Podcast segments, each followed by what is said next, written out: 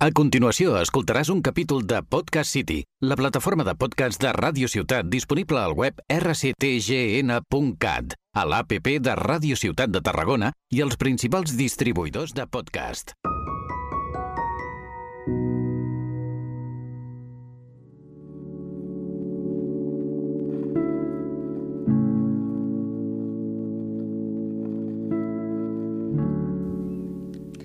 Benvinguts i benvingudes a un nou capítol de Veus de la Terra. Soc la Lucía Medina i avui parlarem sobre la dona en el món de la infermeria i, específicament, tocarem a la Florence Nightingale.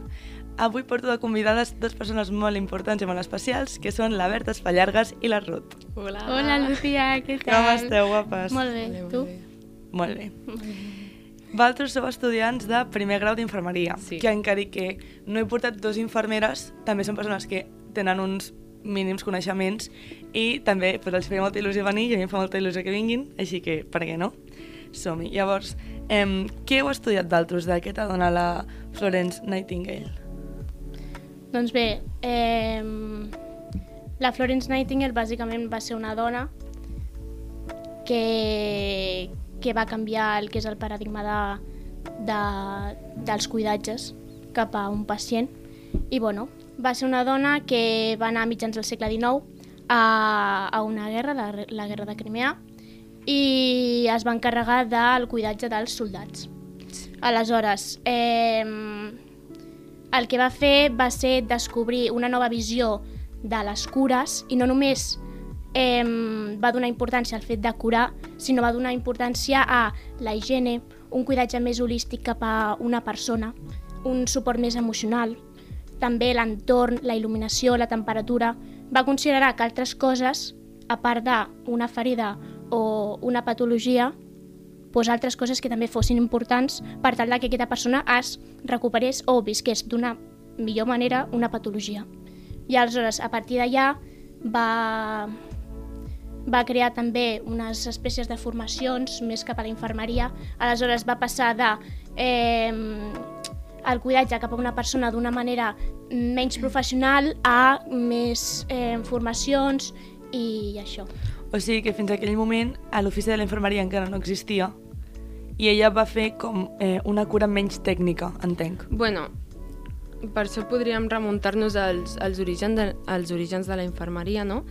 Que, bueno, bàsicament, els homes eren els que curaven, no? Els que tenien la tasca de, de curar i les dones de cuidar, no? Perquè era el que, el que es pensava que només podien fer les dones.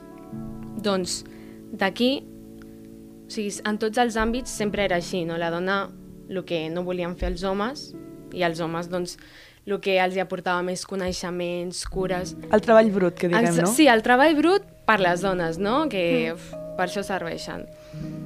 I clar, de... s'ha creat una professió a partir de, de lo que ens, dels retalls que ens deixaven, no? Que és tan important, és tan important cuidar el pacient, estar amb ell, veure el que sent, que vaja, és que no es podia, no es podia quedar allí, o sigui, ens hem, hem, hem creat les dones una professió des de zero, amb uns paradigmes, metaparadigmes, amb unes normes, amb una ètica, i clar, la Florence Nightingale que parlàvem eh, és una dona que, que a part de fer doncs, tot això del cuidatge, també va entrar en el món de les cures, no? de veure que era el millor, perquè es curessin, que és, tot, és un tot, no? Són les cures i el cuidatge, que fa que l'experiència d'un pacient sigui millor. Perquè, en veritat, eh, tu ara quan vas a urgències, Uh -huh. qui t'atén és un infermer. Exacte. I qui et cura és un infermer, si no m'equivoco. El metge et recepta els ibuprofenos. Clar, el metge realment és el que fa el diagnòstic, llavors a partir del que et deriva el metge, doncs tu prens les teves pròpies decisions per dur a terme mm, les cures que tu creus que són més correctes pel pacient.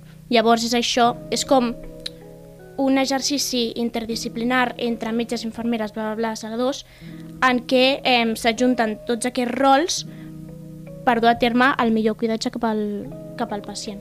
Llavors és això, que al final el pacient de la infermeria, ai, el, el paper de la infermeria, eh, doncs és un paper mm, independent al metge, només que eh, escoltem el que el metge diagnostica i a partir d'allà doncs duem a terme les, les nostres accions.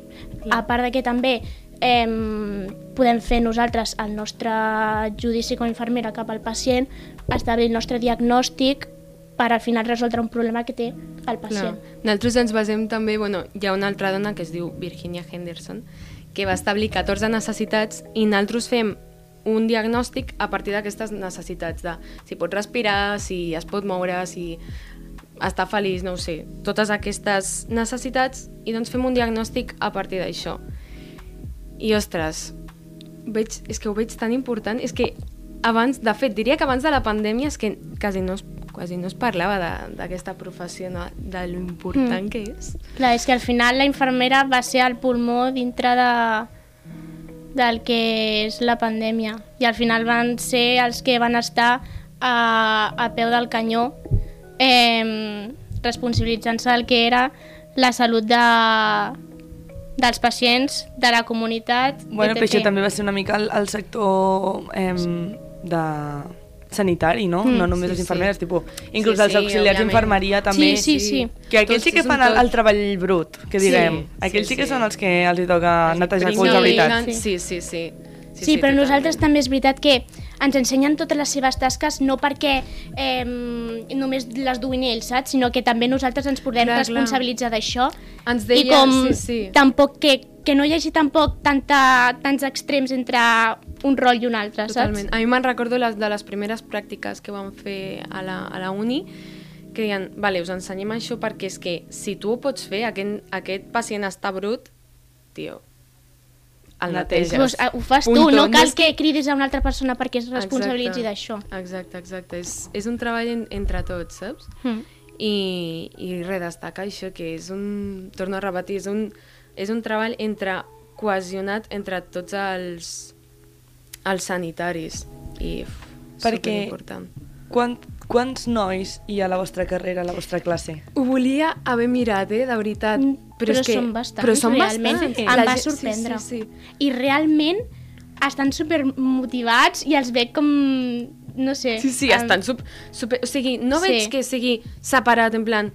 Què fan aquests nois desubicats? Què va, tio? És que això és, això és Sí, bo, és aporten que... moltíssim a la classe, Exacte. generen molt debat, està molt Sí, sí. xulo. Tia, però jo crec que a mi també em fot una mica el fet de que, de que em, un, un ofici com la infermeria, que en teoria era com denom denominat a la dona, hi ha com molt 50-50, però a l'enginyeria Sí, crec sí. que no és així, eh? Sí, sí. Bueno, Tipo, jo crec que jo he cada conegut més... tanta gent, en plan, jo que, en plan, cada cop conec més dones que han fet enginyeria, però conec molt més homes que fan enginyeria i que m'han dit estic fent enginyeria que no dones. Literalment dones que us sàpiga, crec que una. Jo, la, la Maria Querol. Un petó, Maria.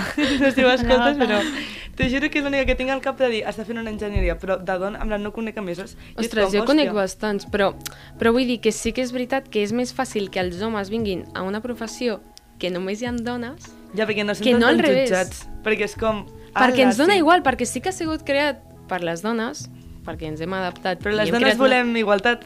Pregunta més aviat quantes dones enginyeries ja coneixes. No que estudien, que siguin enginyers. Ja, és que, vale, és que ara el Lluís m'està dient que és veritat que una cosa és també dones que, cone que coneixem que estudien enginyeria i l'altra és Jo són quantes, o sigui, són Que- quantes. que estudien es- o que treballen. treballen. Que treballen, pues jo i que han fet projectes. O sigui, però què vull dir? Que al també final... dic, no sé de què treballa la gent que fa enginyeria, eh? A la base. A lo que, a lo que peta. Ai, que fort. Sí, doncs, sí. I, Sí, sí. I quins prejudicis creieu que hi ha en el món de la infermeria? pues el que hem parlat, no? de, de que estem sota els poders del metge, que només, només l'hem d'obeir a ell, que, que només netegem culs. Quan... És que una cosa, hi ha no, aquest prejudici està Però- cap a- no, però jo- Això està a auxiliars Saps d'infermeria. amb la mà de També, gent que he també. parlat mm, soc infermera, ah, neteges culs? Així. Ai, doncs jo ho tenia més cap a auxiliars d'infermeria. De dir, aquests sí que pobres, netejant culs, agafant a, a la gent crec que no pot aixecar-se, en plan els agafen. Sí, mobilització, i tot això. Sí, sí, però bueno, al final... Que, Però, es, que clar, es fa, eh? Però també està el clic de perquè és algú dolent. Clar, clar, Clar. és això, en plan, jo faig infermeria per fer això. En plan, jo considero netejar el culs dintre Clar. el, la meva professió. I al final és com netejo culs per establir pues, que la persona estigui més a gust amb ella mateixa, més còmoda, que, que, que s'ho passi Clar. no tan malament dintre del que és el seu Ja. estat de salut. Perquè és una hum I a, a mi m'agrada, a mi em humiliació. satisfà Clar. això. Sí, és veritat final- que potser el paper dels infermers, jo crec, eh, per la meva experiència, meva experiència amb la de familiars i tal, Mhm. que són els que més simpatitzen amb, la, amb les famílies, també. Bueno, perquè bueno, és, és el que ens diuen molts cops. O sigui, al final eh, tu estableixes més connexió amb la infermera perquè al final és la que està Més, sí. més pendent de tu i, i clar, el metge et pot establir un diagnòstic i te'l pot dir bla, bla, bla, bla, però potser tu en aquest moment estàs en estat de xoc o estàs en un moment de mm, tu m'estàs dient això però ho estic intentant inter interioritzar i no t'estic entenent. Llavors és al final el pacient que agafa, mira la infermera i diu què m'estàs dient? Què m'estàs dient? Llavors és la infermera que diu mira, et passa això, tal... Llavors és al final la infermera que acaba dedicant més temps al Sí, sí, pacient. totalment. Perquè tenim una...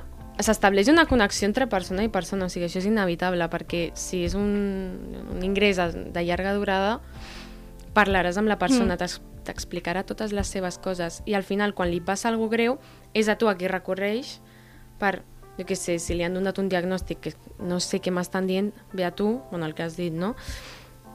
què m'està passant, tu li expliques, es queden, no sé, més, més tranquils o, o al final ho entenen o assimilen millor i, ostres, és, és quasi màgic, diria jo.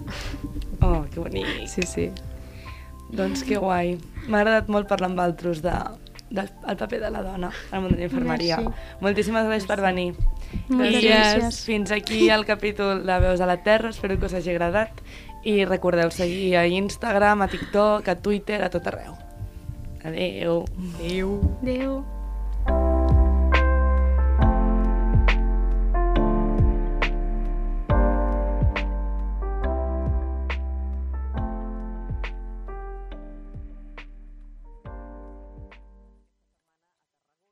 Has escoltat un capítol de Podcast City, la plataforma de podcast de Ràdio Ciutat disponible al web rctgn.cat, a l'APP de Ràdio Ciutat de Tarragona i els principals distribuïdors de podcast.